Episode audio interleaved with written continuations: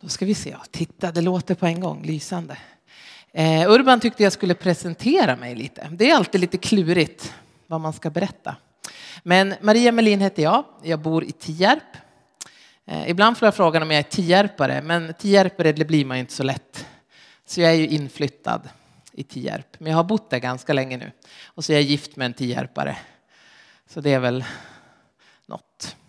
Jag är diakon och jag har jobbat i Borgenkyrkan i Tierp tidigare. Eh, men gör inte det längre. Jag har också jobbat, haft mitt kontor här i kyrkan på bottenvåningen när jag jobbade för Ekumenia Mitt för regionen. Och jag har jobbat för Ekumenia nationellt några år också. Men de senaste åren har jag klivit in i en helt annan värld, nämligen i skolans värld. Eh, de senaste två och ett halvt åren är det nu har jag jobbat i särskolan, eller det som snart heter anpassad grundskola i Tierp. Eh, och det valde jag att göra för att jag behövde vara med på hemmaplan. Eh, jag har tre barn som nu är snart, en är tio år och så har jag två små tvillingar, nej de är inte små. Oj vad arga de skulle bli om jag sa det. De fyller snart fem, förstår ni. Eh, så det har varit intensiv småbarnsperiod, är väl fortfarande. Så jag sa till Urban här innan att jag har laddat med sömnlös natt här med sjuka barn. Så vi får se om rösten håller. Eh, eller de är inte så sjuka, men när de har sabbat sömnen nu några, en vecka så mellan ett och fyra var ju en bra tid att vara vaken, tyckte en av barnen. Så är det. Så det är jag. Ehm, jag är ju fortfarande aktiv i Borgenkyrkan. Och en av de roligaste sakerna att göra där nu, det är fördelen när man inte längre är anställd, då kan man välja lite. Det är vår söndagsskola. Eh, och det är så roligt att komma här och se ni har samma sånger och sjunger samma låtar så man känner sig hemma. Eh, så söndagsskolan är något jag är mycket engagerad i, eh, i Tierp. Och vi har just nu väldigt mycket barn, så mycket barn så att vi inte riktigt kan hantera det. Det är eh, lätt kaos varje söndag med de 25 barn ungefär som kommer. Men jätteroligt, verkligen. Nu landar vi i predikan tycker jag. Jag tycker vi kan börja med att be tillsammans. Herre, jag ber att du ska vara med mig och vara med oss under den här predikan. Tala till oss så att orden kommer från dig. Eh, och låt det som du vill eh, ska bli sagt, Herre. Jag lägger den här predikan i dina händer. Amen. Ja, det levande ordet är temat för den här söndagen. Och då tänkte jag börja med att läsa söndagens evangelietext som är hämtad från Johannes evangeliet 6. Så här står det där. Lär, rubriken, jag börjar faktiskt med rubriken. Lärjungarna förargar sig över Jesu ord. Många av hans lärjungar som hörde honom tala sa det är outhärdligt det han säger. Vem står ut med att höra på honom? Jesus, som genast förstod att lärjungarna förargade sig över hans ord, sa till dem, får det här er att vackla? Hur blir det då om ni får se Människosonen stiga upp dit där han var förut? Det är anden som ger liv. Köttet är till ingen hjälp. De ord jag har talat till er är ande och liv. Men det är några av er som inte tror. Jesus visste ju från början vilka som inte trodde och vilka som skulle förråda honom. Och han fortsatte. Det var därför jag sa er att ingen kan komma till mig om man inte får det som gåva av Fadern. Då drog sig många av hans lärjungar tillbaka och ville inte längre följa med honom. Jesus sa till de tolv, inte vill väl ni också gå er väg? Simon Petrus svarade, Herre, till vem skulle vi gå? Du har det eviga livets ord och vi tror och vi förstår att du är Guds helige. Den här söndagen förklarade ju faktiskt Urban vad den heter på det här konstiga kyrkiska språket vi ibland använder, sexagesima. Eh, och det som är lite speciellt med den här söndagen det är att den finns inte med varje kyrkoår. Ibland får den liksom inte plats. Så. Och det gör att man, eh, det kan gå ganska lång tid mellan att man hör de här bibeltexterna. Och så tänkte jag när jag läste den här. Just det, den här texten. Den var det länge sedan jag läste eller funderade kring. Och jag tycker den är spännande. För det är kanske inte så ofta vi möter det här att folk liksom sätter sig emot så tydligt eh, det Jesus säger. Och när jag förberedde mig så läste jag också den översättningen som finns i The Message som ju är en lite mer kanske lättare översättning. Och jag tänkte faktiskt att ni skulle få höra den igen. Jag tänkte det kan inte skada.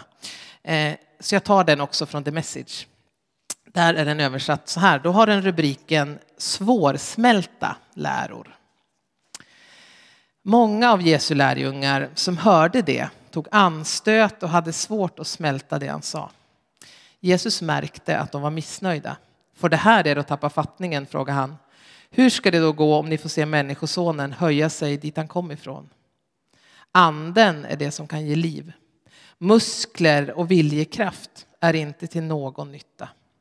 Vartenda ord jag har sagt er är andeord. Alltså är det livsord. Men somliga spjärnar emot och vill inte vara med på det. Det var därför jag sa förut att ingen kan komma till mig av egen kraft, fortsatte han. Att komma till mig är en gåva från min far. Då lämnade många av lärjungarna honom. De ville inte ha mer med honom att göra. Och Jesus gav även de tolv chansen. Vill inte ni också ge er iväg? Mästare, svarade Petrus, vem skulle vi gå till? Du säger det äkta, eviga livets ord och vi har satt vår tilltro till dig. Vi tror att du är Guds helige. När jag läser den här texten så ser jag mig den här, alltså troligtvis är det ganska mycket folk här, De är i synagogan, det har man läst precis innan. Eh, mycket människor som är samlade, men det är inte en nöjd grupp människor. Det är en grupp där det finns missnöje och jag skulle kunna gissa att det liksom, det är inte helt tyst där heller. Det grymtas och det protesteras där i synagogan. Och det är många personer som liksom verkligen säger ifrån. Det står till och med att de tycker att det är outhärdligt, det Jesus säger. Eh, eller som det står i den andra översättningen jag läste, de kan inte smälta det här.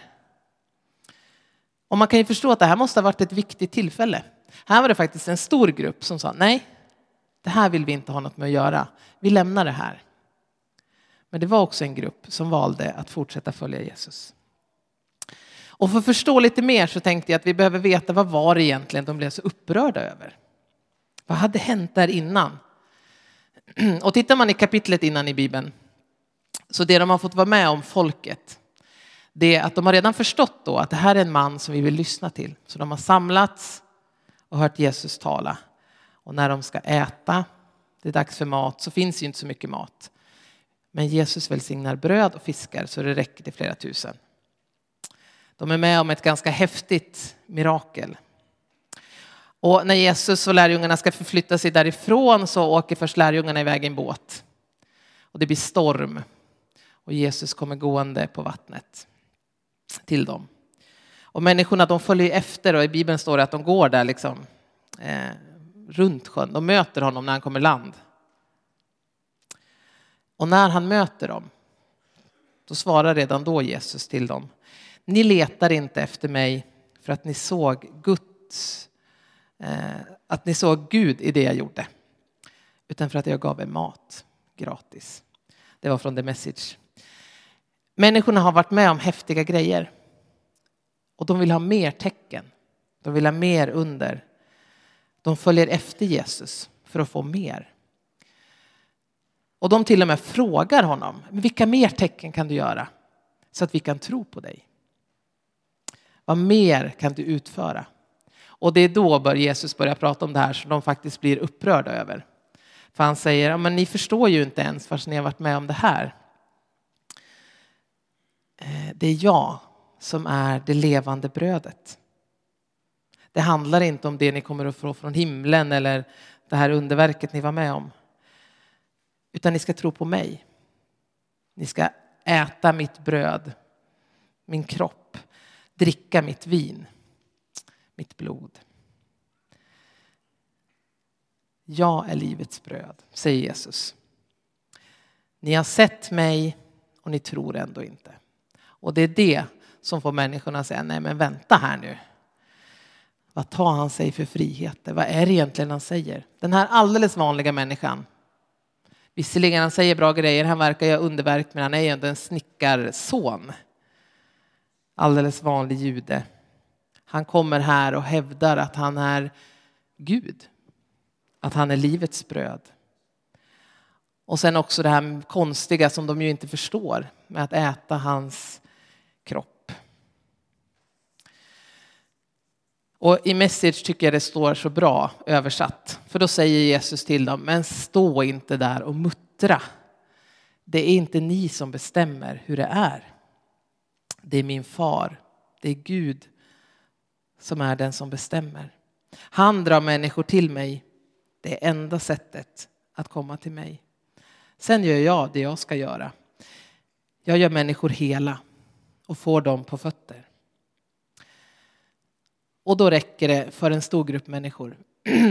Då väljer de att inte längre följa Jesus. Kanske går de därifrån i stor protest, vem vet? Eller så fortsätter de muttra och lämnar. Och det finns bara en mindre grupp kvar. Och det är nästan när man läser så man kan tolka det som att det bara är de där tolv. Kanske är det några till, vem vet? Och Jesus ställer frågan till dem, men ni då? Vill ni också lämna? Och det väljer de att inte göra. De säger att Jesus, det är dig vi vill följa. Och fortsätter man läsa så förstår man att nu var det ingen lätt period för då undviker till och med Jesus vissa orter för man tror att där vill man döda honom. Så att det är en speciell avsnitt och som i alla fall jag sällan har funderat kring den här bibeltexten. Och då behöver vi flytta tillbaka oss till idag, till dig och mig. Och den här söndagen då, det levande ordet. Vad betyder det egentligen? Ett levande ord. Är det Bibelns ord som är levande? Är det Guds ord till oss som är levande? Det Gud talar genom Bibeln eller andra människor? Kanske en kombination. Och jag tänker så här, de här människorna, det är kanske därför jag tycker den här texten är så fascinerande. De som levde så nära Jesus, som såg allt det här och ändå så ville de hela tiden ha mer tecken. De ville något mer. De ville inte riktigt lyssna och försöka förstå det Jesus sa. Och då tänker jag att det handlar just om det här, det levande ordet. De hade sett häftiga grejer, mirakel, vad vi kallar det. Men de hade inte låtit det tala till dem. De hade inte sett att det fanns något mer bakom det. Det handlade inte bara om bröd och fisk eller gå på vattnet. Det handlade om att få livets bröd, livets vatten. Det handlade inte bara om ord, utan om ord som kan ge liv. De hade inte förstått att Guds ord kan göra något mer. Att Guds ord alltid är större och mer än vad vi kan förstå. Och då säger ju också Jesus där att det är genom anden ni kommer att förändras. Ni behöver ta del av anden. Det är anden som ger liv. Och är det inte det det kan handla om för oss idag? Orden, de här, om man bara slår upp dem så är det ju bara ord på papper.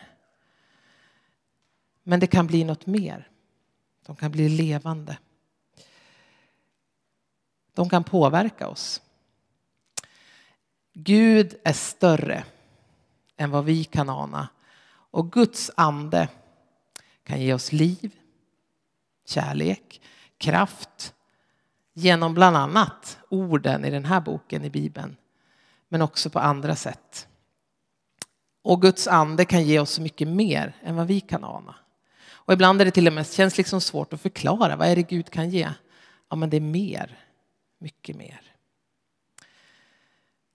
Och Guds ord kan komma till oss på så många olika sätt. Bibeln, eh, predikan, en skogspromenad, i ett samtal med en vän eller på något annat sätt. Men låter vi inte anden påverka oss, alltså låta det på något sätt landa, om man nu säger i hjärtat eller i kroppen, så tror jag att det finns en risk att vi bara jagar efter de där upplevelserna i mötet med Gud. De är viktiga också. Upplevelserna är viktiga. Men de behöver också landa. För mitt i vardagen, när man är vaken där mitt i natten med sin fyra, snart femåring som berättar om Pippi, så får man tänka, ja men Gud är ju här också. Det är inte så häftigt och jag skulle helst sova. Men eh, Gud är här och jag får möta mitt barn i det här fallet. Och tillsammans med Gud, tillsammans med anden kan vi få förändras på ett positivt sätt. Livet får en extra dimension. Det är inte bara här och nu, utan det är något större.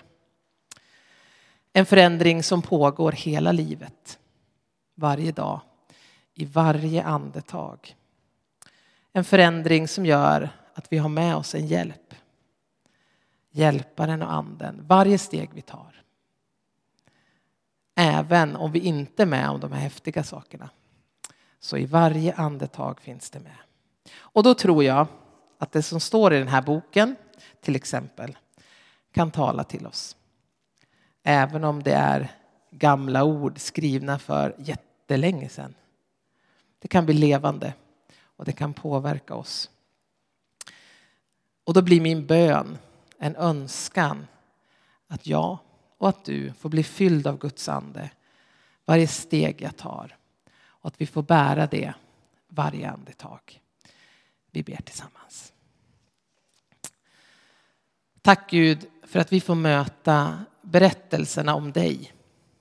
Möta människor som har svårt att tro men som också väljer att följa dig.